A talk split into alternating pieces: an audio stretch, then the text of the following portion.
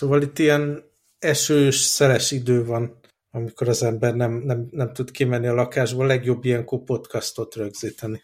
Hát ez így van, ez így van, bár uh, nekem a kora reggeli tervem az uh, wifi konfigurálás lett volna a kávézóban, amit csak ezután fogok megtenni. Aha. Úgyhogy Mert hogy itt, szolgáltatót cseréltél, vagy eszközt cseréltél, vagy miért kell? Hát itt úgy alakult, képzeld el, egy elég, elég szerencsétlen helyzetben van a, a, a Flow ebből a szempontból, mert ugye ez egy irodaháznak az aljában van, van ahol mindenféle bérlőcserék zajlanak, ugye részben ilyen Covid home office dolgok kapcsán, és akitől, ahonnan mi kaptuk a netet, hát most kvázi szívességből, ajándékba, ők kiköltöztek a, az irodaházból, és emiatt az ő IT rendszerük is hát nem működik, mondjuk így, uh-huh. és, és ezért így gondoskodni kellett. Hát igazából eddig volt jó dolgunk, és most gondoskodni kellett ilyen sajátról, és ilyen teljes dráma van egyébként abból a szempontból, hogy mivel ez egy irodaház, és az egész infrastruktúra úgy van felépülve, hogy ilyen nagy cégek bérelnek netet, ilyen bérelt vonalas netet, ezért ilyen hagyományos netből csak ilyen nagyon-nagyon lassú ilyen, ilyen, ilyen részkábel alapú dolog van oda víve, mert hogy nem volt szempont a fejlesztés, mert hogy a nagy cégek úgyis bérelt vonallal uh-huh. dolgoznak.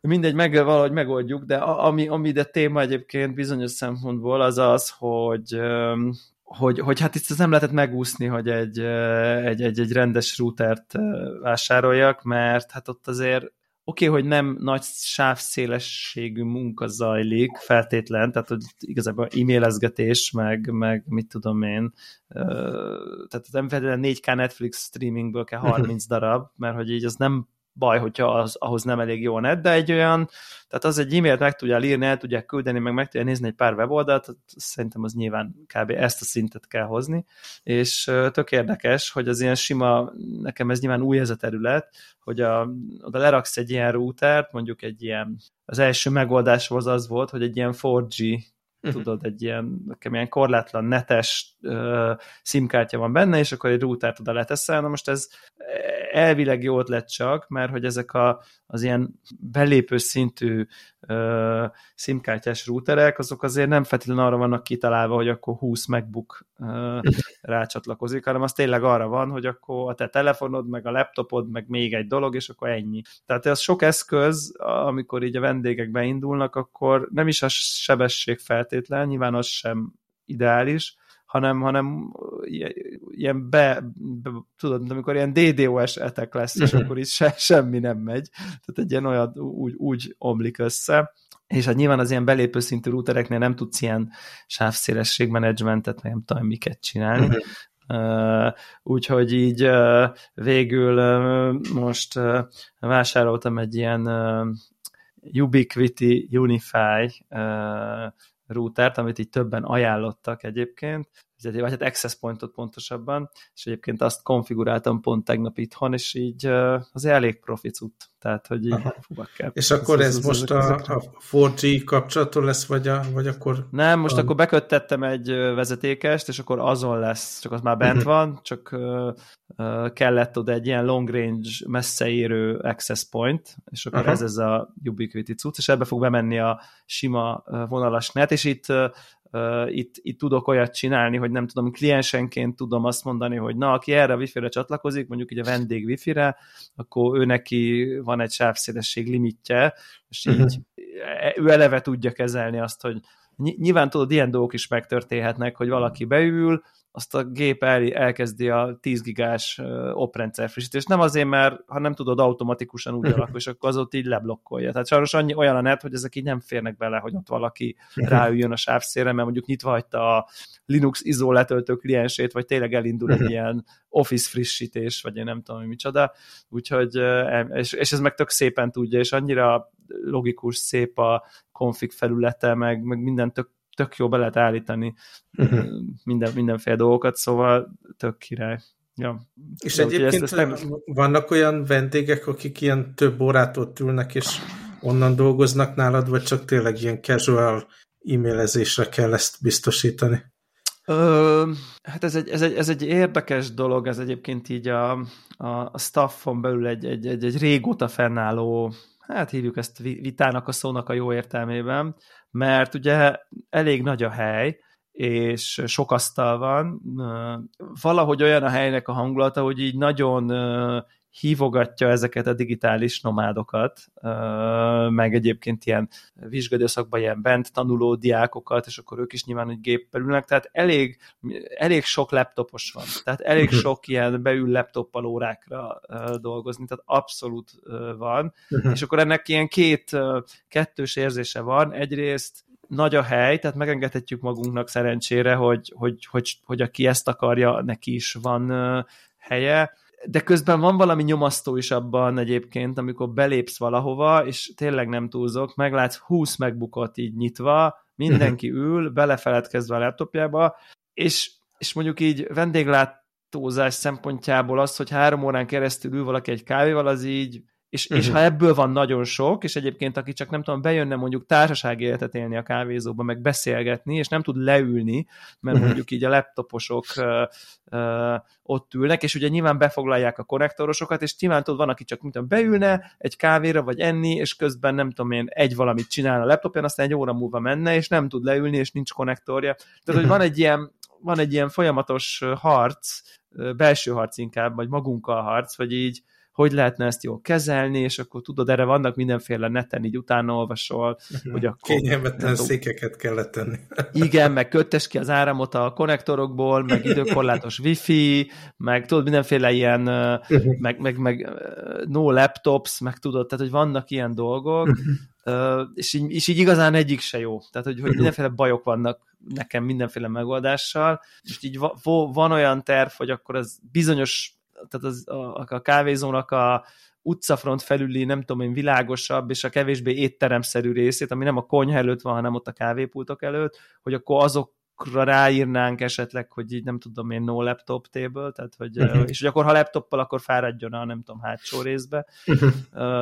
De közben ez is ilyen karantén, tudod, ilyen kicsit ilyen laptop gettó szaga van, szóval hogy így nincs igazán jó megoldás, és mindig arra vagyunk, hogy az, azt mondjuk, hogy így, hogy így ha, ha elharapózik a probléma, és így napi szinten fordul ki, nem tudom én, ebédelni vágyó vendég, mert nagyon sokan irodának használják a kávézót, akkor tényleg kell valamit csinálni, mert egyszerűen nem erről szól, tehát ez nem egy iroda.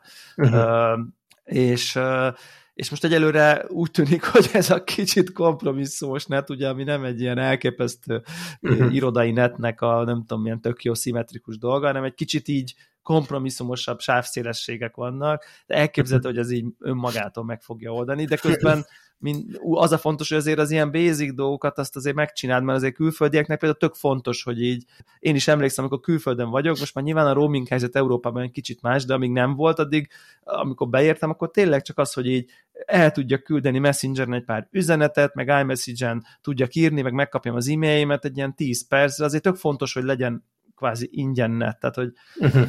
úgyhogy ez meg tök racionális dolog, úgyhogy ez, ez, ezzel mindig küzdünk. Ez egy nagyon, nagyon érdekes dolog, és ilyen, az is érdekes, hogy mennyire eltérő az embereknek így az álláspontja, hogy valaki ilyen tök laptop ellenes, hogy így ezek nem kellenek ide, van aki, én meg azért úgy vagyok vele, hogy azért ez is egy törzsközönség, és szerintem fontosség, és uh-huh. vannak olyan, ismerünk mi is olyan törzs vendéget, aki rengeteg időt tölt a flóban, de, de tényleg így a reggeliét, ebédjét nálunk tölti el, és uh-huh. szerintem tök, tök fontos nem tudom, milyen, tudod, az, az a fajta törzsöndékenek előre köszönnek, névről ismerik, uh-huh. nem is kell szólnia, tudja, hogy a szokásos, tehát, hogy vannak ilyen törzsvendégeink, és ez nem, ez egy tök fontos egy vendéglátóhelyen, ezek a típusú törzsvendégek. Hát nyilván a... Beszéltünk, hogy, hogy nekem nagyon érdekes, hogy ez teljes mértékben nem működne ez a dolog, hogy kávézóba dolgozni, mert mondjuk az időm 80%-ában nem tartalmat készítek csöndben, Igen. hanem pofázok híváson, és nyilvánvalóan Igen. az információ is, tehát a, a cég számára titkos leg, legtöbb esetben, Igen, akár ügyféle beszélek, akár belső híváson. Másrészt milyen rettenet idegesítő lenne körülöttem. Tehát a, a családot is kizárom ilyenkor, amikor itthonról dolgozok, mert hát... Igen, de mondjuk akik neked készítik az anyagokat, Aha. tehát nem, hát ők simán, akik csak így mondjuk készítenek valami anyagot elő neked, ő akár ülhet is. Hát szerintem ez is változik. Én nagyon sok embertől hallottam mostanság, hogy tehát ilyen abszolút alap mondjuk fejlesztők, tesztelők, bárki, aki a, a szoftverfejlesztésnek alapvetően a, a csöndes részén dolgozik, Aha. azoknak is egyre több pont a home office, meg a work from home koncepció Aha. miatt egyre több ez a koordinációs hívás, és elkerülhetetlen, elkerülhetetlen, hogy napi több ilyen híváson részt vegyenek.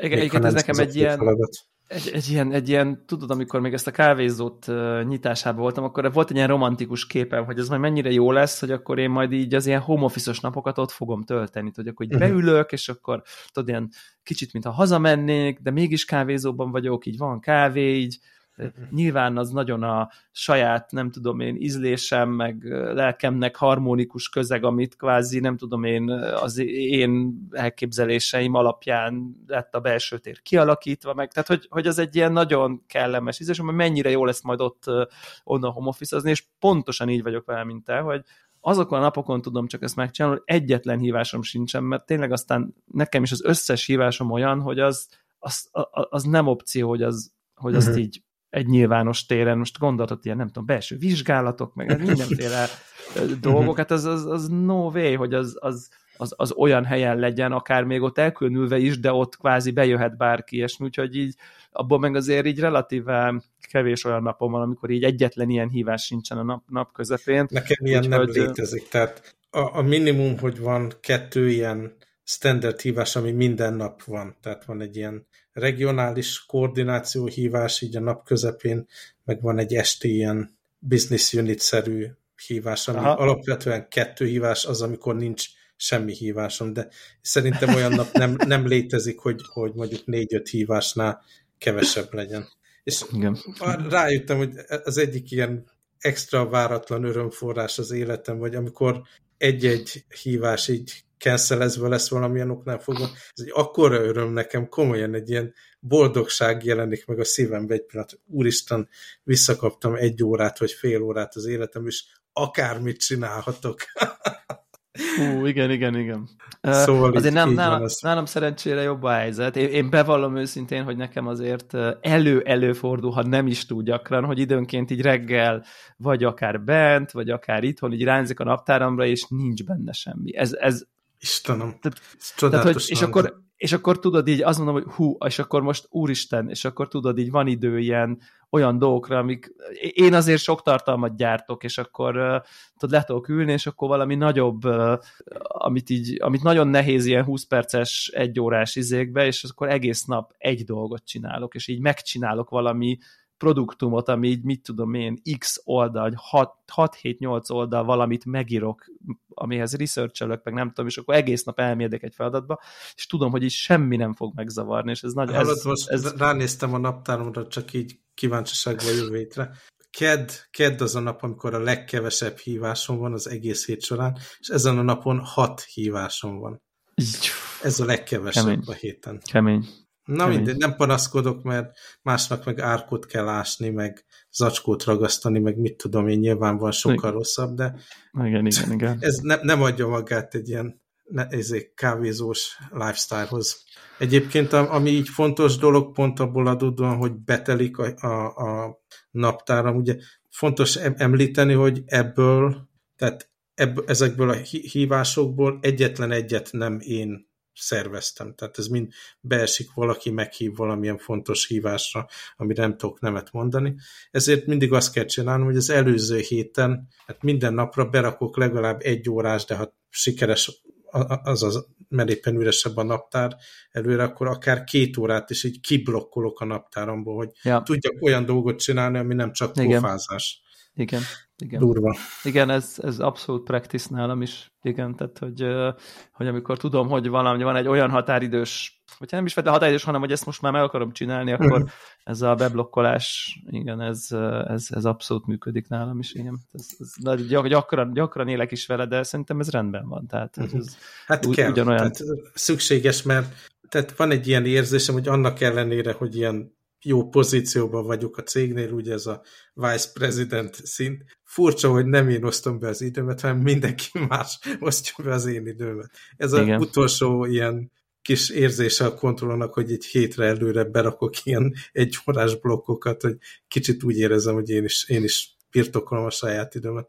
De aztán... De egyébként a, csak ez nekem még annyi, hogy én nyilván nem vagyok ennyire magas pozícióban, de gyakran kontaktálok, és mindenféle hasonlóan magas pozíciókban lévő, nem tudom, stakeholderekkel váltom belül, és akkor amikor olyat kell összehozni, ahol mondjuk három ilyen típusú vezető van egyszerre jelen, akkor így tudod így, és azt mondja a naptár magától, hogy akkor a következő szabad időpont így 6 hét múlva van, ahol mind Igen. a háromnak van fél órája, és akkor, és nyilvánvalóan az történik, hogy akkor a nem tudom én asszisztensüket kérem meg, hogy akkor intézzék el, és persze tudod, kiderülgetnek aztán, hogy jó, hát azért az nem olyan fontos, az, tehát, de igazából Igen. ők sakkozzák a, a, az idejüket valójában, tehát, hogy, tehát már egy külön ember kell, nem is egy, aki igazából csak így a tehát, tehát aki beosztja az idejét. Igen, a sok-sok ez, érdek, ez... érdek mentén, akik az idejükre, meg a figyelmükre vágynak. Igen, egy ez nagyon sok gondolatot ébreszt bennem is, hogy például a múlt héten volt, hogy azért mentem be egy, egy adott hívásra, mert abban az időszlotban kettő hívás volt a naptárban, és a másikra nagyon nem akartam menni. Aha. Itt is vannak prioritások, de tényleg őrület. Kíváncsi vagyok, hogy, hogy ez most már örökre így marad, de ugye mert én azt mondanám, hogy ennek a fele mondjuk, vagy akár kétharmada is ezeknek a hívásoknak az elmúlt két és fél évben alakult ki, illetve inkább, inkább három évben alakult ki, ugye, a, és jelentős része a Covid miatt, tehát ami ilyen irodába találkoztunk, megbeszéltünk, vagy mit tudom én, időnként oda mentünk a Shenzheni fejlesztőirodába, vagy meglátogattuk ezt az ügyfelet, vagy valami, ami ilyen természetes beszélgetések során oldódott meg. Arra most mind ilyen fix slotok vannak. És ugye a mi kapcsolatokat, mint vezető tartottam mondjuk a közvetlen beosztottjaimmal, elsősorban személyesen. Lehet, hogy egyszer találkoztunk két havonta, de volt, hogy akkor most elmegyek Shenzhenbe, vagy mit tudom én, Szingapurba, vagy valami, és akkor ott vagyok, és akkor beszélünk. De most meg átalakult egy ilyen, mit tudom én, egy heti, két heti ilyen rendszeres uh, hívásra, ami ugye belekerül a naptárba, akkor is, ha nincs éppen mit megbeszélni, egyszerűen végre, végre kell hajtani, mert ott van a naptárba, és az az egyetlen mondja, hogy kapcsolatot tartsak a, a távolabbi emberekkel, és tényleg így, így berobbant a naptáromba ez a sok ilyen koordináció, ja. egy az egy, ugye személyes megbeszélések, és nem tudom, ez meddig fenntartható, és hogyha elkezdünk, nem is tudom, lesz-e valaha olyan, hogy visszaáll valamilyen szintű ilyen üzleti utazás, mint, mint koncepció. Tehát lehet, hogy a cégek teljesen rájöttek, hogy hogy, hogy nem kell repülgetni, meg utazgatni, hanem, hanem akkor maradjunk online, de én, én szeretném, hogyha visszaállna valamiféle. Na, nálunk egyébként egy kicsit kezd visszaállni, csak, csak az történik, hogy a küszöb, a küszöb más, tehát a, uh-huh. a nagyon föltolott a tehát mondjuk ez a, mondjuk mit tudom én így a, a azon a területen dolgozók, ahol, ahol én vagyok, vagy nem tudom, akkor ott szokott lenni egy ilyen éves, nem tudom, compliance day, és, uh-huh. akkor, és akkor az mondjuk van, az most lesz Varsóban. Uh-huh.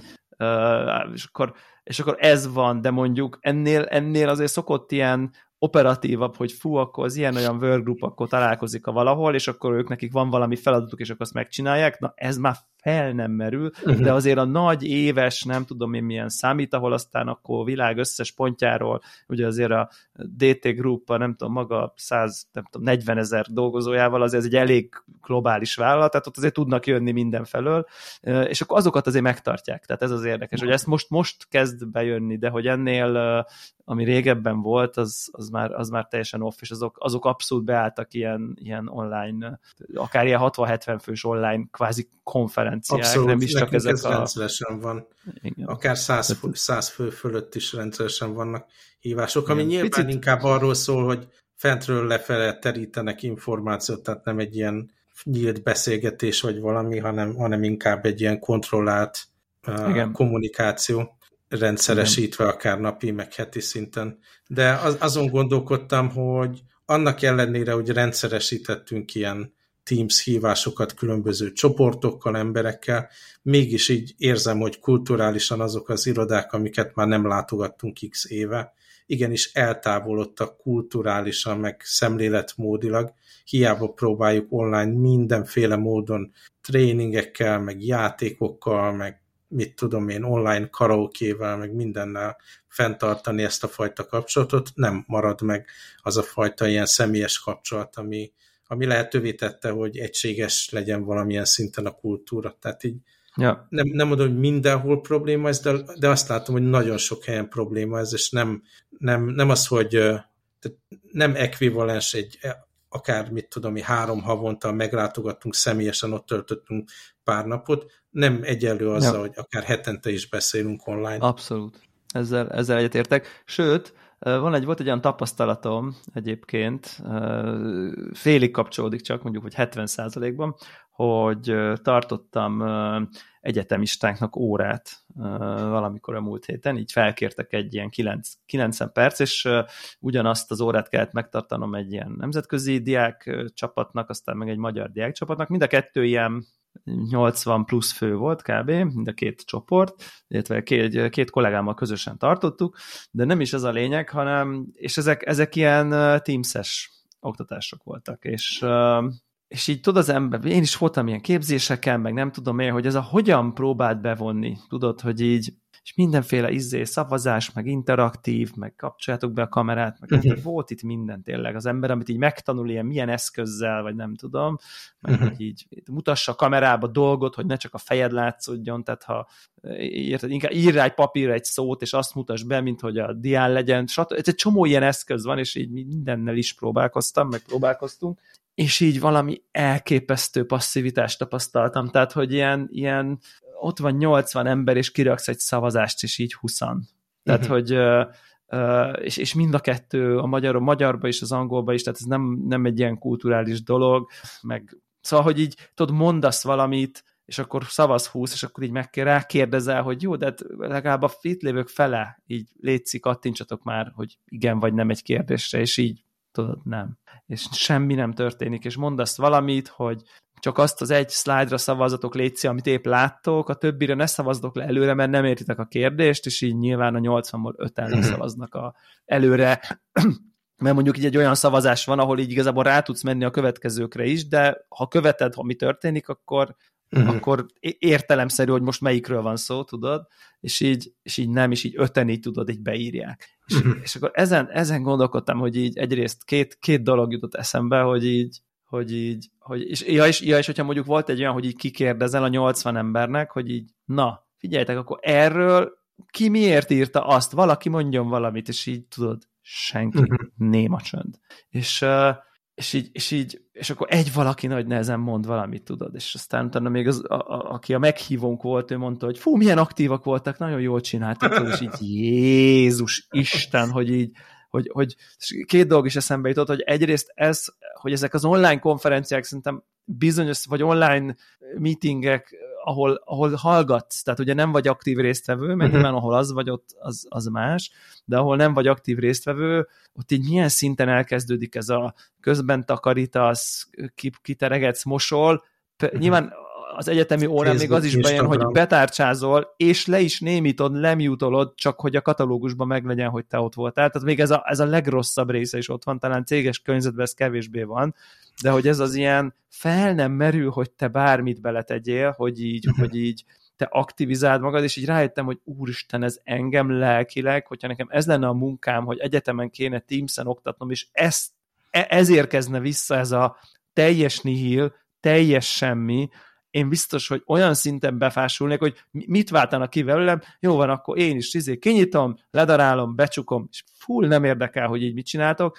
Nagyon rossz volt megtapasztalni, ugye eléggé hozzá vagyok szokva a személyes oktatásokhoz, vagy a személyes workshopokhoz, és ott így általában azért így sikerül bevonzanom a közönséget egy ilyen érdek, basic érdeklődés szintre. Nyilván azok vannak ott, amiket tartok, akiket érdekel ez a téma. Tehát, de akár kávés témában, akár a szakmai témában. De oda azért el kell jönni, eleve. Tehát van oda az el kell jönni, igen. Oda de, de akár tudod valami ilyen-olyan szakmai szövetségnek, valami konferenciája, ahol felkérnek valami előadásra, hát ott már azok vannak ott, akik részt vennek az adott téma, mit tudom én, milyen breakfastjén, vagy konferencián. Fú, nagyon rossz volt. Tehát rendesen ilyen, ilyen, ilyen traumatikus élmény volt, hogy ez az ilyen ott van 80 ember, és így hát a szarnak bele az erős szó, mert nem igaz, és vissza tudok én emlékezni, amikor én diák voltam, meg, és aztán így beszélgettem ö, ö, olyannal, aki jelenleg is, nem tudom én, vagy nagyon közel van neki az egyetemi ö, tanulmánya, és akkor így mondta, hogy így figyelj, csak azt képzeld el, hogy akkor ez volt neki aznap az ötödik ilyen órája, vagy negyedik, tehát hogy ilyen másfél órát hallgatsz Teams-be embert beszélni. Hát figyelj, Igazából...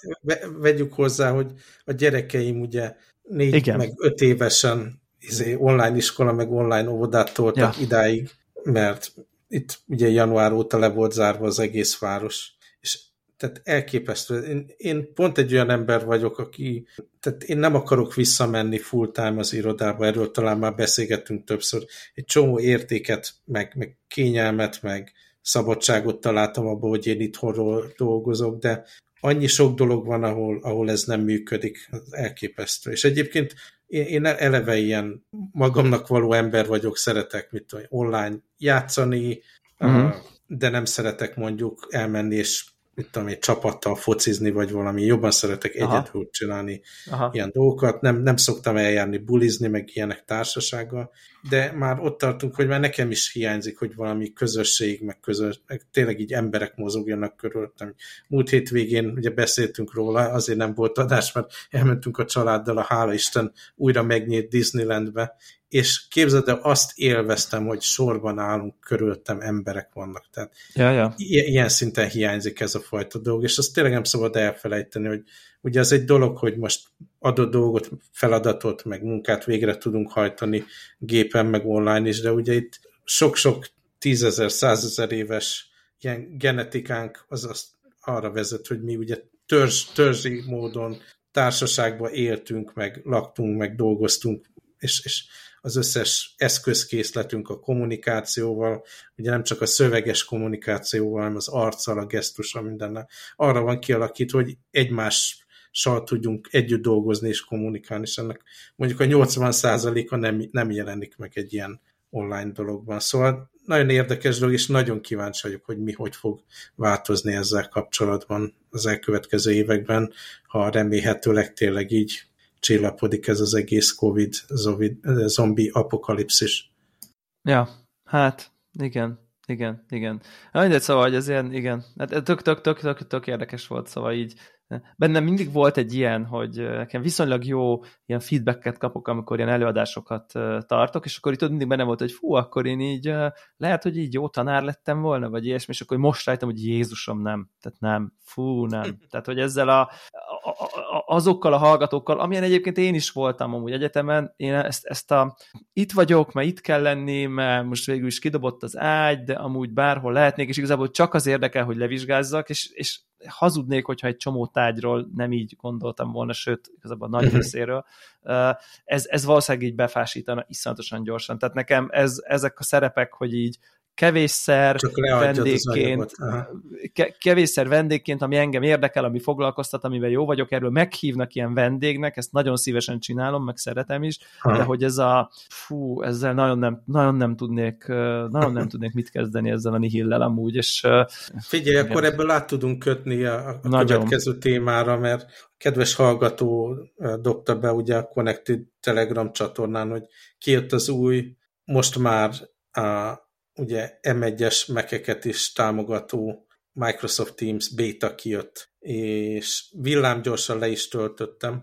Nem tudom, neked volt-e lehetőséget én is, kipróbálni. Én is, én is, abszolút. És uh, ugye kicsit uh, aggasztó, hogy, hogy ez egy ilyen relatíven nem publikus béta, amit nem ajánlott föl maga a Teams, mint a beta channelből letölthető dolog és ugye ez az alapvető munkaeszközöm, erről beszéltünk idáig, hogy én Így napi van. 12 órában ezen vagyok, de annyira hiányzott ez, ez a nem emulációs módba futó Teams, hogy ezt azért bevállaltam, hogy, hogy problémák lehetnek, és nem tudom neked mik, mik a tapasztalatok. Nekem egyrészt rettenetesen érződik, hogy mennyivel gyorsabb ez, tehát amilyen nehézkes, lassúka volt a Teams-ba, az így megszűnt annak lenni. Gyorsabban indul, gyorsabban reagál mindenre a rendszer.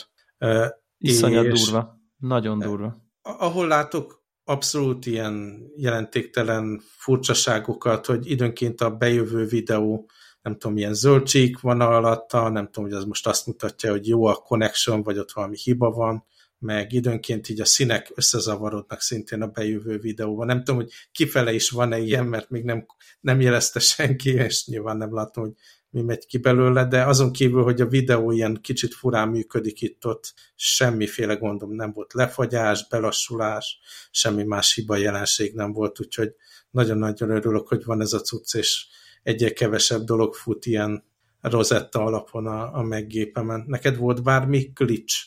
Nem, nem, nem, igazából, igazából nem, én is, én is kipróbáltam, tényleg mondjuk az az igazság szerintem, hogy ezek a számítógépek, amik nekünk vannak, ezek már szerintem elég fölényesen kezelték már az előzőt is, mármint, hogy így nem, nem tűnt már fel, hogy mhm. igen, nem tűnt már fel, hogy itt most mekkora dráma van, mint ahogy azért a korábbi nem M1 chipsetű MacBook Pro-nál azért panaszkodtunk mind a ketten a ventilátor sűvítésre, meg a 80 plusz százalékos CPU-kra és társaira. Itt azért semmi ilyesmit nem tapasztaltam. Nem volt egy ilyen szuper folyamatos, meg töltögetett, meg lassabban váltott, meg ilyesmi. Itt meg most tényleg, most meg így tudom, mint amikor az az érzésed van, amikor a iPhone 4-ed van, és akkor megjön a 4S, és akkor így bekapcsolod, és akkor minden uh-huh. iszonyat gyors lesz hirtelen. Igen, igen. Tehát, tehát abszolút ez, a, ez, a, ez az érzés, tényleg hát most még, még jobb. Bevallom őszintén, hogy nekem ebben a MacNerd, nem tudom, szubkultúra de valami olyasmi, ebben ez az önértékként kezeljük, hogy ne legyen, hogy, hogy legyen meg a M1 Silicon verziója, az egyébként, most mondok egy példát, az ilyen Discordnak, meg a Messengernek, meg az ilyen, most ez egy chat program, igazából egy webes applikáció, nem tök mindegy, tehát, hogy, tehát, és hogy van egy ilyen izé, hogy de nekünk a kis övünkre kell, hogy az legyen hozzá M1-re optimalizált ilyen saját izé, mert akkor vagyunk, akkor a harmónia lelkünkben, hogyha minden natív M1-es. Én ezt abszolút nem érzem, tehát például én a Messenger applikációt elég sokat használom így a gépemen, egyáltalán nem zavar, hogy nincsen natív támogatás. Rákattintok, bejön, csetelek, becsukom. Tehát, hogy Nekem az egyéb, lenne... egyéb problémáim vannak. Tényleg itt nem érződik semmiféle ilyen sebesség probléma, viszont rettenet irritáló, hogy nem tudom, ilyen napi szinten raknak ki új buildet Messenger alkalmazásba, és akkor mindig megjelenik fönt a button, hogy akkor most indítsd újra, hogy a legújabb legyen, és ehhez képest, tehát ilyen felhasználóként új képességet soha nem találok benne. Tehát napi új build van, újra kell indítani emiatt, illetve ja, ja, ja, legalábbis igen, kínálja magát, igaz. hogy indítsam újra, és a világon semmi nem változik rajta, és ez, ez, ez az irritáló, de valóban nem az volt a bajom vele, hogy, hogy Rosetta alatt fut. Viszont a Teams ott nekem azért érződött, tehát volt, nem mondom, hogy lassú volt, de így a, a többi alkalmazáshoz képest lehetett érezni egy pici ilyen, nem tudom, lassúságot, hogy rajzolta a dolgokat, meg minden, és, és ez, ez így teljesen megszűnt, és most már teljes értékű alkalmazás, és mivel ebben élek, az ilyen apróságok is nagyon számítanak. Ezt nem tudom, ja. neked is úgy volt, nekem furcsa módon valahogy a színek, mintha mások lennének, mint, mint, mint az előző verzióban. Tehát az a kék szín, amilyen alapvető UI panel szint benne, az valahogy nekem más, másnak tűnik így ebben a bildben. Nem tudom, hogy ezt így halucinálom-e, de, de nekem más, más színnek tűnik egy picit. Érdekes, ezt én most kevésbé mhm. érzékelem. Kedves hallgatók, kommentáljatok a Connected csatornán, mert lehet, hogy csak halucinálok, de nekem máshogy, máshogy renderelődik valahogy ez a szín. Na minden esetre ez nagy, nagy előre haladás volt, és végre volt tech hírunk is, ugye, aki esetleg Így. hiányolta volna, és akkor esetleg térjünk vissza még a filmekre egy picit? Hát szerintem. Akkor elsőnek a The Batman alkotást hoznám elő, nem tudom, láttad-e moziban, vagy HBO alapon?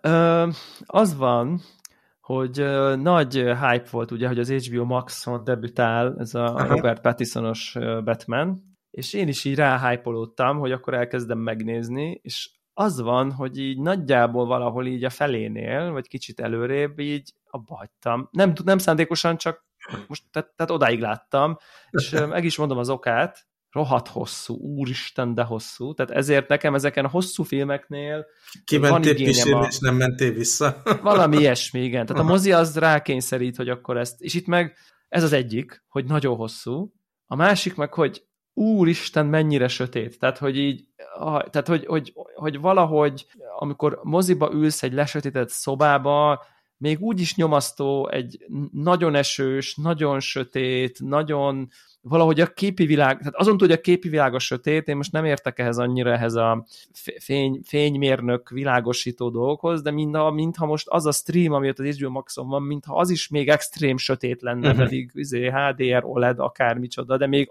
még ahhoz képest is valahogy nagyon sötét minden, tehát ez a nappali fénynél pedig nekem nem direkt fény van, de hogy valahogy így még így hát azt vettem észre magam. nappali fényben nézni, Igen. tehát ez nem, nem szabad nappali fényben nézni, így van, így van, ez a konklúzió nagyjából, és nyilván ez a hangulatilag is extra, ez, extra Ez nagyon extra érdekes, nyilván, nyilván a Batman karakter maga hoz magával egy, egy ilyen hangulatot, de nekem érdekes módon ez sokkal kevésbé volt nyomasztó, sokkal-sokkal kevésbé volt nyomasztó, mint ugye az a előző trilógia.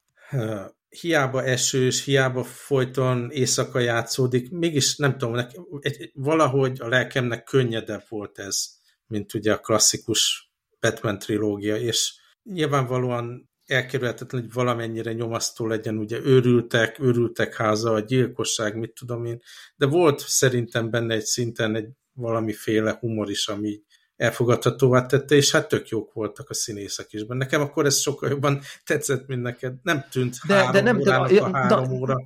Abszolút azt akartam csak mondani, hogy ezek voltak a körülmények, amik így nehézé tették a fogyasztást, uh-huh. és ezért jelenleg félbehagytam, de amúgy uh-huh. az, amit láttam, úgy a, a, a story, meg nem tudom én, azzal egyébként így nem volt bajom. Uh-huh. Tehát, te, te, te tetszett, amit láttam, sőt, kicsit azt éreztem, hogy volt egy olyan érzésem, hogy azért akár ez nem is kéne, hogy Batman legyen, hanem egy ilyen izgalmas mhm. krimi thriller van Mob, valahol a mélyén. Thriller, ilyen mafiával.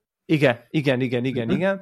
Ö, szívesen néztem, érdekel még mindig, hogy mi van, csak tudod, mindig eszembe hogy na most például, most mit tudom én, most az adás után akkor leülök, nézem, ja nem nézem, mert világos van, akkor uh-huh. tök szép világos van, meg tavasz, nincsen kedvem végre, nem sötét az idő, nincsen kedvem besötétíteni otthon, uh-huh. tudod? Tehát, hogy e, e, ezek, ezek a nehézségekkel küzdök, de abszolút, tehát, tehát szerintem érdekes. Légy vár, vár ki akkor egy esős estét. Igen, igen, igen. Ez, lesz. Még a, a pár dolog ezzel kapcsolatban. Az egyik, hogy amit így nagyon el lehet szúrni, például ott van benne ugye a Catwoman karakter, és teljesen jól működő, ilyen szerethető figura. Ugye mostanság nagyon nagy hangsúly van azon, hogy ilyen ugye különböző női karakterek is megfelelően ugye hangsúlyt kaphassanak, ne megmentett ö, csajok legyenek benne, hanem valaki, aki saját maga is tudja ugye irányítani a sorsát, és megtaláltak egy ilyen egészséges balanszt ebbe, hogy nem irritáló, meg nőként működik, és mégis egy ilyen erős karakter, és simán el tudom képzelni, hogy abból is akár jó, jó film lehet még. Meg hát ugye a Pingvin, a Colin Ferreller, akit egyáltalán nem lehet felismerni a maszk alatt, az rettenetesen jó, jól megcsinált figura. Az igen, az nagyon jó, az biztos. És hát a, hogy hívják a rendőr, ugye a Gordont, a színészt, akit, oké, okay. nem mondom, hogy ezt igen. most kivágom, mert ennyi időm nincs a utómunkálatokra, de megnéztem Google-on, Jeffrey Wright, szerintem ja, igen, szenzációsan igen, igen, jó, igen, nagyon szeretem azt a színészt. Nagyon jó, igen. Szóval nekem, ami, ami jó volt, én, én arra attól tartottam, hogy ez is olyan nyomasztó lesz, mint nagyon sok másik Batman film. És a sötétség, meg az eső, meg a, a, a történet ellenére, tehát pont egy megfelelő szintet ért, ahol nem, nem leszek depresszív utána, izgalmas, jól néz ki az egész. És az egy film során így csomószor felmerült bennem kérdés, hogy néztem, nagyon szépen van megkomponálva minden egyes jelenet, minden egyes helyszín, és gondolkodtam is azon, hogy hogy azt a látványvilágot, amit csináltak, hogy hogyan ért, uh, értékel, és valahogy a Youtube-on elém került egy ilyen um, érdekes videó, ahol beszéltek erről, hogy például milyen lencséket használtak, a, hogyan alakították ki ezt a, a látványt, és így direkt elhangolták a, a digitális kamerán a lencséket, hogy ugye ne az legyen, hogy faltól falig az egész éles a kép, hanem, hanem a közepet tipikusan éles, ahol a, ahova bepozícionálják ugye a szereplőt, vagy ami, ami épp figyelni kell, és akkor a sarkokban így elmosódik a kép. De ebből adódóan volt egy csomó olyan jelenet, hogy mit tudom, beszél valaki, látod, hogy a háttérben történik valami, de ilyen érdekesen el volt mosódva. Aha. És tök érdekes volt megtudni, hogy mi az, ami ebben tudatos, miért akarják ezt elérni, és hogyan csinálják azt, hogy a modern digitális technológiával ne nézzen ki sterilnek az egész Ugye a dűnek kapcsán nem tudom, erről beszéltünk de nekem nagyon érdekes volt megtudni, hogy azt is modern digitális kamerákkal rögzítették, de aztán a digitális képet ugye gyakorlatilag kinyomtatták film, rendes analóg filmre, és azt beszkennelték újra, hogy legyen egy ilyen organikusabb uh, látványvilág az egészben, és tök jól működött. Nyilván én játszom gyakran ilyen filmfotózással, meg digitális fényképezőgépekkel is, meg ilyen régi lencsékkel is, és nagyon érdekes, hogy ezt a játékot ugye professzionális szinten is hogy tolják Hollywoodban azért, hogy így organikusabb, meg természetesebbnek kinéző filmszerűbb képeket kapjunk. Tök jó, tök és jó. még ebben a témában vicces volt, hogy nekem van egy ilyen orosz, illetve szovjet fényképezőgépem még, amit a,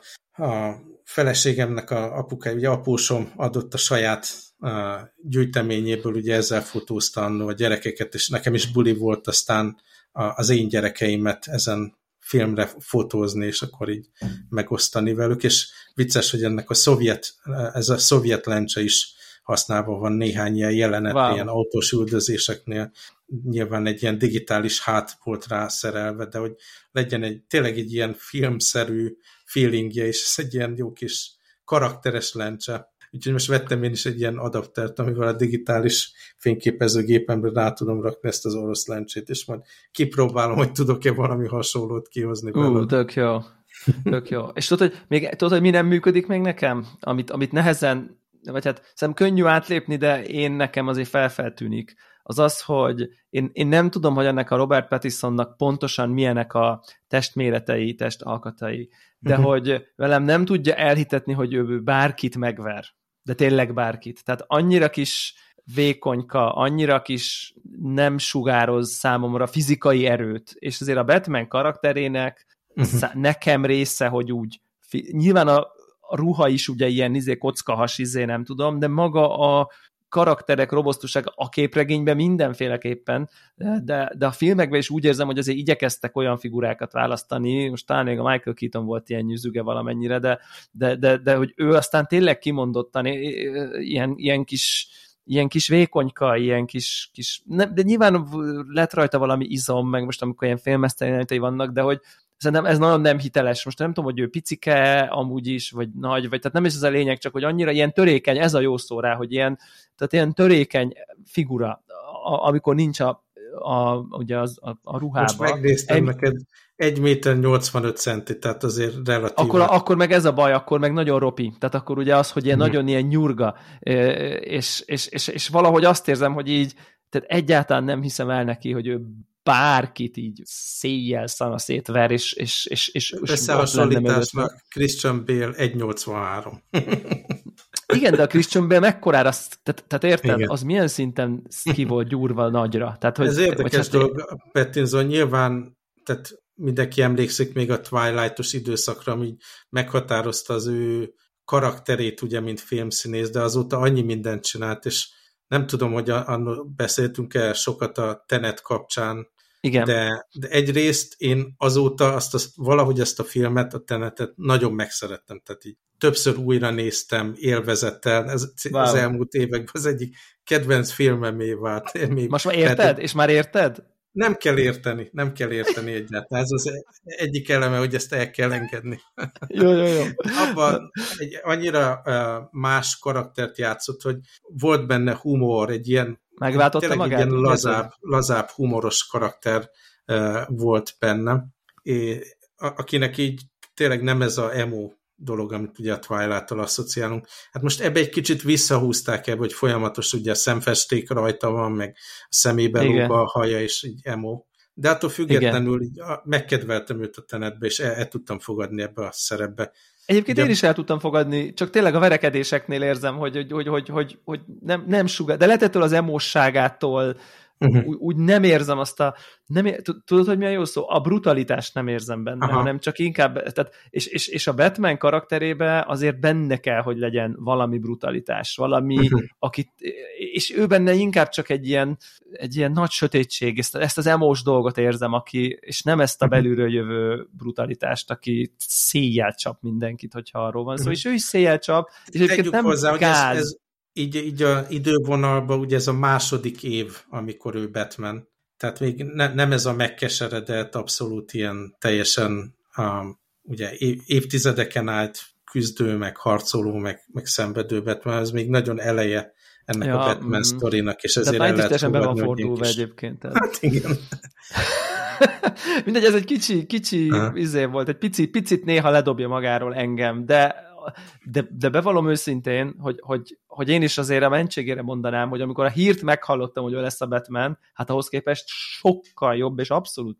Tehát, hogy én azt mondtam, hogy na jó, na jó, hát ez no way, tudod. És igazából lehozza. Csak mondom, ezt, ezt a részt nem tudta, ezt a, ezt a, ezt a tényleg fizikai brutalitást, de ennyi. Figyelj, akkor szerintem jobban passzol, most át, átmozgattam itt kicsit a, a okay. sorrendet, hogy miről beszélünk. Szerintem nagyon jó utána lehet rakni ezt a Uncharted filmet. Ugye a Batman esetében én nekem nem volt túl sok várakozásom, mert nem hittem volna, hogy a, a, a színész megfelel ebbe a karakterbe, féltem, hogy túl depis lesz, stb. stb. Ahhoz képest baromire tetszett a film, és simán el tudom képzelni, hogy újra nézem.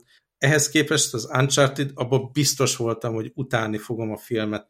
Amikor láttam a, az első trélert, meg megtudtam, hogy kik szerepelnek benne, ugye egyrészt nem akartam elhinni, hogy e, ezt, ezt hogy lehet. Tehát, hogy ugye az Uncharted, aki esetleg nem követné, ez egy Playstation-os nagy sikerű videójáték sorozatból készült film.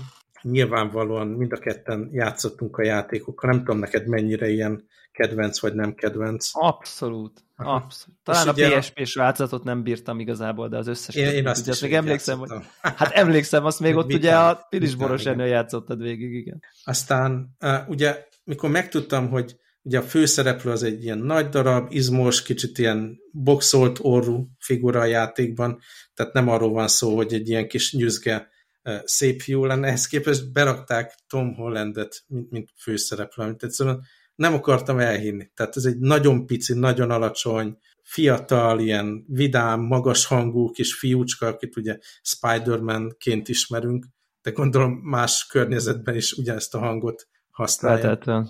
És akkor ugye a Sally, aki a videójátékban egy ilyen őszhajú, nagybajuszos, uh, ilyen mentorszerű figura, ezt nem akartam elhinni, hogy Marky Mark Wahlberg fogja igen, alakítani. Igen akinek Igen. a világon semmi köze ez a karakterhez. És akkor azért csak megnéztem ezt a filmet, meg, meg kell nézni az ilyeneket.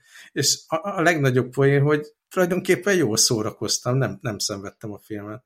Ugye nemrég láttam Mark wahlberg a hosszú ideje talán a legrosszabb filmet, amit valahol láttam, ez a, a Infinite című film, nem tudom, hogy beszéltünk-e róla, vagy látta-e, vagy valami. Ugye a Paramount Plus kapcsán meséltem róla, hogy eh, a Paramount Plus-nak ez volt a ilyen nagy exkluzív mozifilmje, és hogy mennyire sit. Eh, ehhez képest ebben, tehát ahogy ez a két figura beszélget, valahogy természetes, valahogy működik, tehát amíg a Mark Wahlberg borzalmas volt a Infinite-ben, mert teljesen nem passzolt a sztori, meg a dialógusok ahhoz, hogy ő beszélne. Ide belehozhatták az ő saját karakterüket, ugye a Tom Holland az ilyen fiatal, kicsit olyan ártatlan, ha bár azért nem csak ártatlan dolgokat látunk tőle a filmben, de ugye van ez a kicsit még ilyen fiatalos, gyerekes hangja, alacsony, kis ilyen uh, szerethető figura, és elfogadtam, hogy oké, okay, ez nem a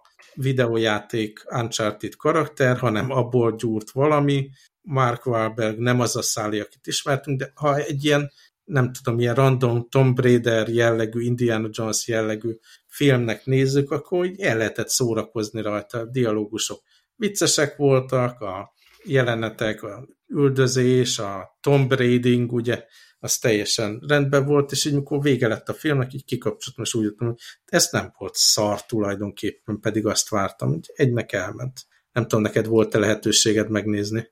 Nem, és nem, nem volt lehetőségem, és bevallom, kicsit, kicsit szándékosan kerülök mindent, mert valamiért azt érzem, hogy, hogy, hogy nekem annyira nem az a jó szó, hogy meghatározom, mert azért annyira nem uh-huh. mély, nincs mélység ennek az egész Uncharted dolognak, de valahogy annyira annyira szeretem, annyira kellemes, annyira jó érzéseim vannak, de közben az Uncharted annyira valamilyen, így a videójátékokon mhm. belül, hogy, hogy az az prekoncepcióm van, hogy ezt csak meggyalázni lehet uh-huh. uh, filmen, és hogy, és hogy nagyon cinematika játék, de ez nem jelenti azt, hogy cinemát kell belőle csinálni, mert... Uh-huh. mert... Egyébként egy az egybe, amilyen nagyon filmszerű jelenetek vannak a játékban, tehát egy csomó olyan jelenet van, nem egy az egybe lemásolják, hanem olyan váratlan fordulatok, meg hirtelen dolgok kizuhannak helyekről, tehát nem akarom spoilerezni, de ami fordulatok vannak a, ezekben a klippekben, a játékban,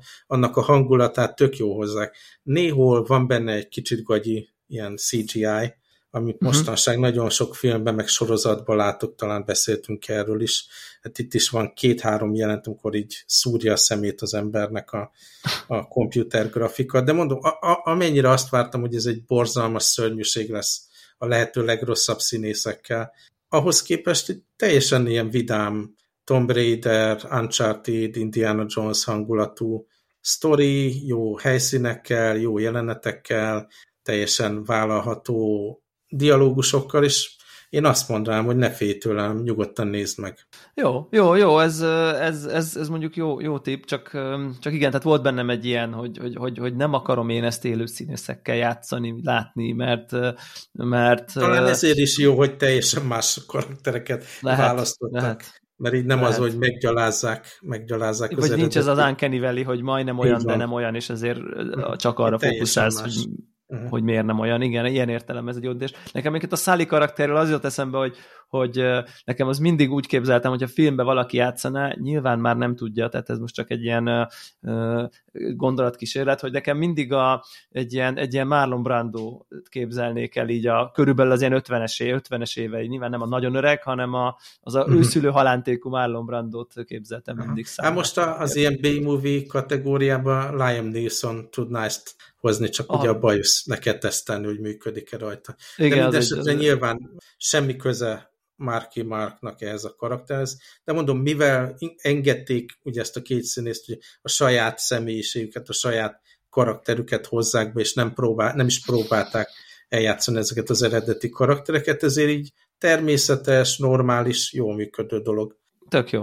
Tök És jó. most te jössz TV sorozat ajánlással. TV sorozat ajánló, csak pusztán figyel, inkább figyelemfelhívó, hogy, hogy elindult minden idők egyik legnagyszerűbb sorozatából készült spin-offnak az új évada, és ugye itt a Better Call Saul sorozatot tudom ajánlani, most már hatodik évadánál tart, és ugye a, ez, ez, ez, ez azon kevés sorozatok egyike, amikor, amikor van egy nagyon nagy sikerű, kultikus státuszba emelkedett sorozat, ugye ez a Breaking Bad, és amikor erre így rámennek, hogy, arról, hogy, hogy egy ekkora sorozatból készít, készüljön egy spin-off, ez mindig így az, az alapreakció az, hogy így jaj, légy színe. És itt most nem feltétlenül csak a jó barátokból spin-offoló Joey-ra, de, de számos ilyen szörnyűséges, az eredeti sikerét meglovagolni próbáló spin-off kísérletet lehet a sorozat történelemben erre példát hozni általában ez nem jósul el. Általában, de a Big Bang Theory-nál a,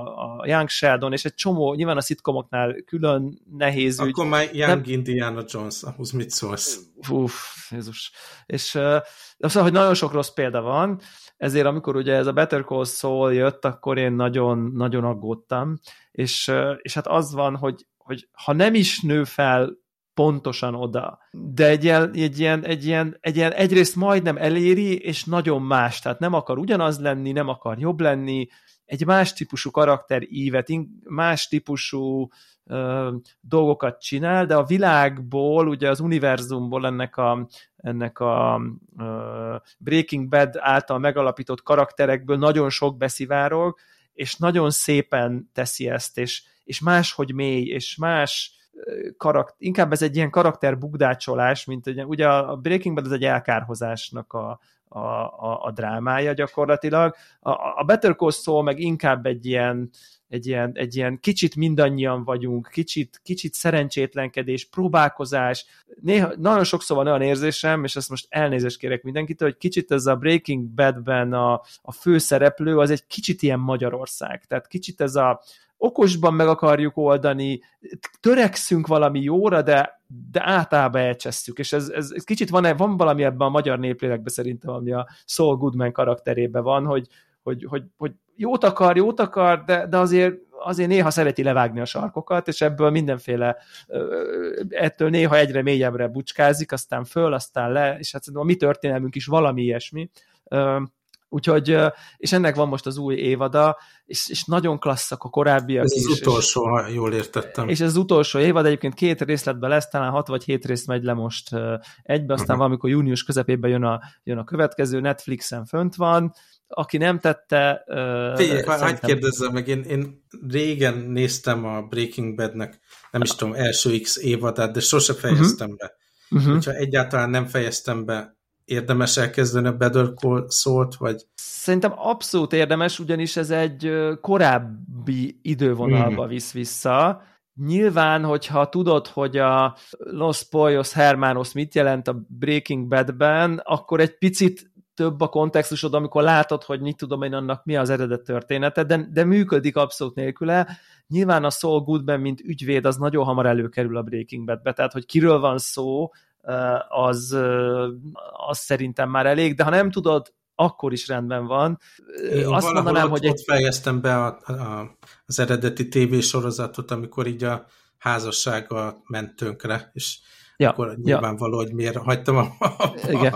ennek a Igen. nézését. De akkor ez teljesen független. Szerintem teljesen, teljesen működik, és, és az van, hogy nem haladok vele nagyon gyorsan, mert nem egy nem mondanám, hogy nehéz sorozat, hanem olyan, hanem, hanem olyan, olyan, olyan sziruposnak mondanám, hogy úgy olyan tartalmas, de nem, nem, nem úgy nyomasztó, meg nehéz nézni, hanem inkább nagyon tartalmas, nagyon, nagyon súlyos lelki ö, dolgok vannak, meg karakterek. Mondom, nem, nem akarom elvenni senkinek a kedvét attól, hogy itt most valami nem tudom milyen nyomasztó van, inkább azt mondanám, hogy annyira mélyek a karakterek, hogy a velük való történés is mindig egy picit olyan, tudod, tehát tényleg, amikor valaki 20 perces szitkom vagy, akkor ne tegye be, mert ez, ez, ennek úgy van, van tartalma, de szerintem ez jó, tehát hogy ez jó, amikor tényleg az ember úgy, úgy kicsit ilyen katartikusabb dolgok fele akar ha menni, akkor, akkor érdemes ezt a Better Call Saul részeket fogyasztani, szerintem abszolút nem ez a ledarálom egybe az összes részt, mert, mert, mert ez, nem, ez nem az, de, de ezzel semmi gond nincsen, szerintem ezért sem, nem tudom, 20 részes uh-huh. egy mhm. évad, hanem csak 13 lesz talán, és nagyon kíváncsi vagyok, hogy mi lesz ennek a, ennek a alapvetően elég tragikus karakterű, de közben nagyon fifikás, nagyon, tehát közben, közben túljár azért az eszén, nagyon-nagyon jó az a karakter, és mondom, Ugye, és figyelj, és ezzel a, a színésszel, ben... ezzel a Bob Odenkirk-kel láttad a Nobody filmet? Nem. Én, én megnéztem, nem tudom, az elmúlt egy-két hétben valamikor, és ugye na, elég nagy hype volt nekem ilyen nem filmkedvelő ismerőseim mondták, hogy ú, megnézték, és ez milyen jó volt, ilyen helyi kollégák, és nem is tudom, tényleg így egyik nap csak ráklikkeltem, és megnéztem, és számomra tök csalódás volt, tehát így, ami, oh. ami ugye a John Wick mm, franchise kapcsán kialakult egyfajta ilyen látványvilág, meg ez a tényleg ez ilyen akrobatikus öldöklés dolog, ami, ami jó benne, azt, azt hozta át, után pár alkotó is átment ugye abból a sorozat uh, franchise-ból a Nobody mögé, és akkor bele van véve egy ilyen réteg humor, ami számomra egyáltalán nem működött ebben az összefüggésben, és akkor van ez a csetlőbotló, ilyen unalmas élet, családi, meg munkahelyi életet élő, ugye nobody karakter, és akkor ugye megtudjuk, hogy azért neki ott volt a háttere, és nem, nem jó vele packiázni, de, de az egész, tehát nekem nem működött. A, se a humor nem működött, se az a akrobatikus gyilkolászás dolog nem működött, nagyon félrement dolog. Ja, hát igen. Sajnálom pedig szerintem ez, ez egy nagyon jó színész amúgy, ez a, ez a, ez a Bob. Úgyhogy hát nyilván nehéz kiszabadulni ebből a karakterből egyébként, de nekem, nekem, nekem, nekem tetszik, én becsülöm ezt a sorozatot, és főleg azért becsülöm, mert mert, mert nem akar több lenni, tehát, tehát, tud, tud, tud, tehát tudja a sorozat magáról, hogy a főszereplőben nincs akkora story ív, mint, mint, mint ugye a Walter White karakterében a Breaking Badben, hanem az, ez, ez, egy, ez egy nem annyira nagy uh-huh. nagy ívet leírni tudó karakter, ez egy pitibb ember egy csomó szempontból, és emiatt az ügyei is azok, és a sorozat is az, és, ez, és ebbe beleáll, és ezt bontja ki, és ettől csodálatos lecs, utó, utózöngéje, történet értelemben előzöngéje a Breaking Badnek. Szóval én ezt nagyon-nagyon szeretem ezt a sorozatot, tényleg abszolút, abszolút a kedvencek között van, és szép lassan fogyasztam, amikor van rá figyelmem. Nem azért, mert nehéz, hanem azért, mert szeretnék rá figyelni. Uh-huh. Úgyhogy, Akkor nem tudom, hogy jó ezt a végére még berakni, de megnéztem még egy Apple TV Plus-on futó sorozatot, ugye az egész évadot, ez a Suspicion, nem tudom, elét került-e, ez egy ilyen angol készítésű thriller alapvetően, és ugye azzal kezdődik, ugye, hogy egy ilyen emberrablás történik, egy, egy fontos politikai, meg üzleti szempontból fontos nőnek a fiát rabolják el, és veszi fel a hotelben, ahol ez történik, ugye mindenféle videókamera, és akkor ennek kapcsán letartóztatnak, nem tudom, négy vagy öt karaktert Angliába, aki éppen ott a hotelbe volt, és angolok, és gyanúsak voltak. És akkor megindul egyfajta ilyen e, verseny, hogy akkor mit találnak a rendőrök, mit találnak a magán e, nyomozók, meg akit bevet ugye ez a, Aha. a, a fontos üzletember, meg hogyan próbálják tisztázni a saját ártatlanságukat ugye letartóztatott, aztán szabadon engedett karakterek. És pont arról beszéltünk, hogy van, van ugye ez a high concept kategória, amikor ilyen érdekes csavar, Igen. ami meghatározza a, a történet szálát, és ez pont egy olyan sorozat volt nekem, ahol így jó az alapötlet, hogy akkor láthatóan teljesen egymást nem ismerő, ártatlannak tűnő embereket letartóztatnak, és nekik kell mindenféle uh-huh. ilyen akcióhős, meg nyomozó háttér nélkül tisztázni magukat, vagy valami hasonló. És, és utána meg a megvalósítás, meg az egésznek a, a lezárása, amit nyilván nem fogok elspoilerezni, hogy ez ja. abszolút nem elégíti ki az a, a relatíve jó alapötletet. Szóval nem, nem, nem tudom ajánlani, és nem tudom másnak mik a benyomásai ezzel kapcsolatban, de itt van, hogy egy high concept, ami nem működött, de az Apple TV Plus szolgáltatás azért megvásárolta és reklámozta is nekem. Úgyhogy ők sem mindig erről a tutiban nyúlnak. Erről nekem beugrott, hogy én is néztem az Apple TV-n valamit, ha már itt Apple TV-zünk, hogy felkerült oda ez a They Call Me Magic című sorozat, szintén egyébként eléggé behypolt Apple TV sorozat egyébként, azt hiszem talán nincs is olyan sok része, és ugye ez Magic Johnsonról szól, itt a, talán itt a podcast, podcastben is beszéltünk annak idején, amikor ugye a Last Dance sorozat kijött, és így nem tudom, végig tarolta, nem tudom én a fél világot, ugye a Michael Jordanről és a, és a Chicago Bullsról szóló sorozat, ez pedig egy nagyon hasonló, csak ez Magic Johnsonról szól, kevés rész, végig igazából az ő kosárlabda és kosárlabda utáni karrieréről szól, és akkor én így, amikor megláttam, hogy ezt hirdetik, akkor így egyből így facepalmoltam, hogy na, akkor megirigy, valaki megirigyelte, hogy Jordan kapott egy ilyen, nem tudom, egy ilyen, egy ilyen nagyívű dokumentum sorozatot, és akkor neki is kellett, és akkor erre egy szintén kosaras barátom mondta, hogy így figyú, szerintem Magic Johnson megérdemli, hogy neki is legyen egy ilyenje, és akkor ezzel igazából egyet tudok helyen mhm. közel érteni. És egyébként tehát azért tudom ezt ajánlani bárkinek, annyira nem fergeteges az egész, mint amennyire a Last Dance volt, ami nagyon fel volt uh, dramaturgiailag építve, hogy így hú, most mi lesz akkor, és aki, aki nem tudta, hogy mi történik, azt is valahogy így érdekelte, hogy na, akkor ebben a szezonban most mi lesz ezekkel a karakterekkel. Ez sokkal inkább egy ilyen uh, elmesélősebb sztori, de nyilván a jól bevált amerikai dokumentumos klisék, hogy akkor van a híres ember, aki beszél az életéről, bejátszások, nyilatkozik Obama, meg Snoop Dogg, meg mit tudom én, és tehát ilyen nagy, viszonylag híres megmondók beszélnek az ő, nem tudom, viszonyukról, a Lakersről, a magáról, Magic Johnsonról, nekik mit jelentett, hogy nőtt föl, nem tudom, és alapvetően egy elég érdekes életút uh-huh. Magic Johnsoné. Ugye nyilván az ő HIV pozitív válása, és ennek, ahogy ez félbetörte a kosárkarrierjét, az, az, az eleve ad egy, egy nagyon érdekes dolgot, és elég mély betekintést, ehhez, ahhoz képest egy amerikai dokusorozat, hogy ennek az ő, nem tudom, párkapcsolatára ő, ő milyen viszonya van, hogyan élte túl, van neki egy ilyen hol vele, se vele, se nélküle típusú nem tudom én, ilyen párja, akivel így elszakadtak, összeértek, elszakadtak, összeértek, láthatóan, és akkor ez hogy alakult, szerintem ez elég érdekes, ez a rész. Nagyon érdekes az, hogy mit kezdett magával, miután véget ért a kosárkarrierje, üzletemberként hogyan építkezett, szerintem az, az, az mindenféleképp egész érdekes.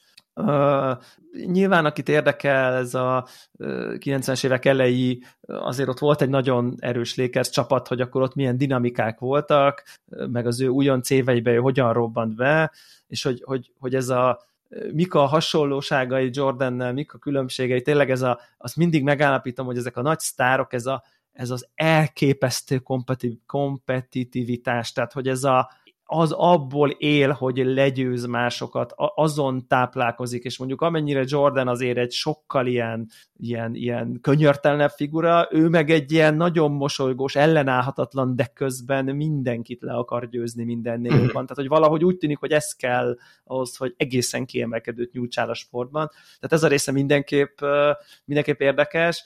Kis kritikát hadd fogalmazzak meg, hogy azért aki olvasott, hallott, így a, ugye a Showtime Lakersnek hívták akkoriban ezt a csapatot, ami azért volt Showtime Lakers, mert egy olyan tulajdonosa volt, aki kb. Hugh Hefnert kell elképzelni, tehát így, és akkor ő vezette be ez a Lakers Girl, meg a partia izé a, a meccs közben, meg tehát uh-huh. volt és ezért is hívták őket Showtime, mert mindig egy show volt, amikor ők ott játszottak Ugye, előtte, utána Erről közben. szól ez a Winning Time TV show is, amit így igen, erről szól, érdekes módon itt most két sorozat is lett ezzel kapcsolatban, és hogy az van, hogy az egész sorozat, hát ez, az, hogy a Showtime Lakers hogyan élt, hogyan bulizott, elnézést kérek, a nem tudom, de ez a prostik kokók vonal azért, azért ez, ez elég erősen tudott volt, hogy hát azért kemény dolgok voltak. És hát majd, hogy nem, teljesen kimarad. Tehát, tehát e, e, e szinte egészében a drog kérdés az gyakorlatilag Mhm. teljes egészében szinte, ez a promiszkuitás és végtelen csajozás kérdés említés szintjén, tehát szóval itt egy picit így eufemizál a sorozat, hogy azért ez mhm. egy, ez, egy, ez egy sok szempontból sötét korszak is volt, mind a kosárlabdának, mind a Lakers az abszolút az emblematikus csapata volt ennek azért, ezt is lehetett tudni, ha nem is minden játékos, de mhm. azért a legtöbben, és hát nyilván a Magic Johnson hívfertőzése sem a véletlen szüleménye, tehát na mindegy, szóval ezt egy picit így lazábban kezeli, de amúgy szerintem így Szerintem így uh-huh. rendben van. Uh, és egyébként ugye ez, a, amit említesz sorozat, az nekem az nem tetszik, azért nem kezdtem el nézni, pedig engem érdekel a kosárlabda, mert a legtöbb játékos azt nyilatkozta, hogy de semmi közel valósághoz. Egyáltalán uh-huh. nem így történt. Tehát, hogy, és innentől szerintem ez, tehát, tehát szerintem ez nem jó. Tehát szerintem ez mhm. nem jó, hogyha így, hogyha ha valami feldolgoz egy... Rá, rájátszanak erre a fajta ilyen lifestyle-ra, ami, hát ami igen. a másikból kimaradt. Na mindegy, szóval, de azért ja. érdekes. És, azért és kosaras, van csak. kosaras hobbiddal most jó el vagy látva akkor ilyen sorozatokkal, mindenféle kontenttel. Így van, így van, így van, így van. Na aztán még a végére ilyen egészen más témát akartam beszúrni, inkább nem is a reklámozás szintjén, hanem hogy nem tudom, hogy más kreatív ember találkozik -e ilyen problémákkal, hogy ugye hosszú-hosszú ideje van Instagram kontom, ugye annó ilyen hárombetűs ID-t sikerült lefoglalnom, ami nyilvánvalóan bármiféle ilyen platformon nehéz, úgy Instagramon is, meg más platformon is pillanatok alatt elfogytak ezek. Minden esetre hosszú-hosszú évek óta rakok föl tartalmat Instagramra, és ugye az egész platform is megváltozott évek óta, ugye egyre inkább kevesebb fókusz van a fényképek megosztásán, inkább az emberek az ilyen Reels videókat nézik benne, meg videókat osztanak meg.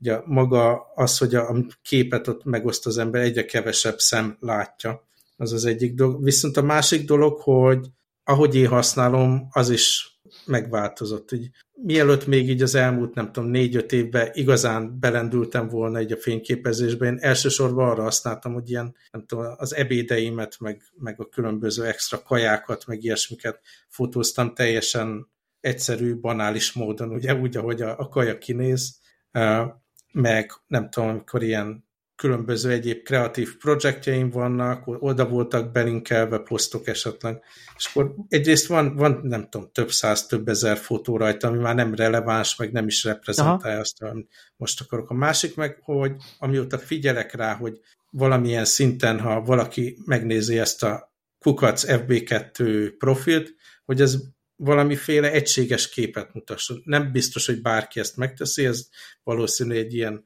fantázia, hogy az ember elképzeljük, hogy megnézi valaki az Instagram profilját, de próbálom, hogy akkor a stílus, meg a téma, meg mindez valamilyen szinten egységes legyen. És ez, ez kezdem ilyen kényszeresen csinálni, és ebből az adódott, hogy ugye én már hosszú ideje, nem tudom, január óta igazából nem tudok ilyen utcai fotókat csinálni, mert az elsődleges ilyen témám, amivel foglalkozik, ugye az az Instagram account is, azokat a fotókat, amin embereket az utcán fotózok különböző érdekes helyzetekben, meg hátterek előtt, meg minden. A Covid lezárások óta nem, nem lehet csinálni, viszont tovább is fotózok, tehát családot, gyakran kirándulok, természetfotózás, elmegyünk Disneylandbe, akkor ott fotózok, aztán múlt héten olyan is volt, hogy egy kollégám vett magának egy új Porsche-t, és akkor életemben el, először ilyen ugye autófotózást csináltam. Rákészültem nagyon, hogy megnéztem ilyen YouTube tutoriálokat, hogy hogy kell autókat fotózni,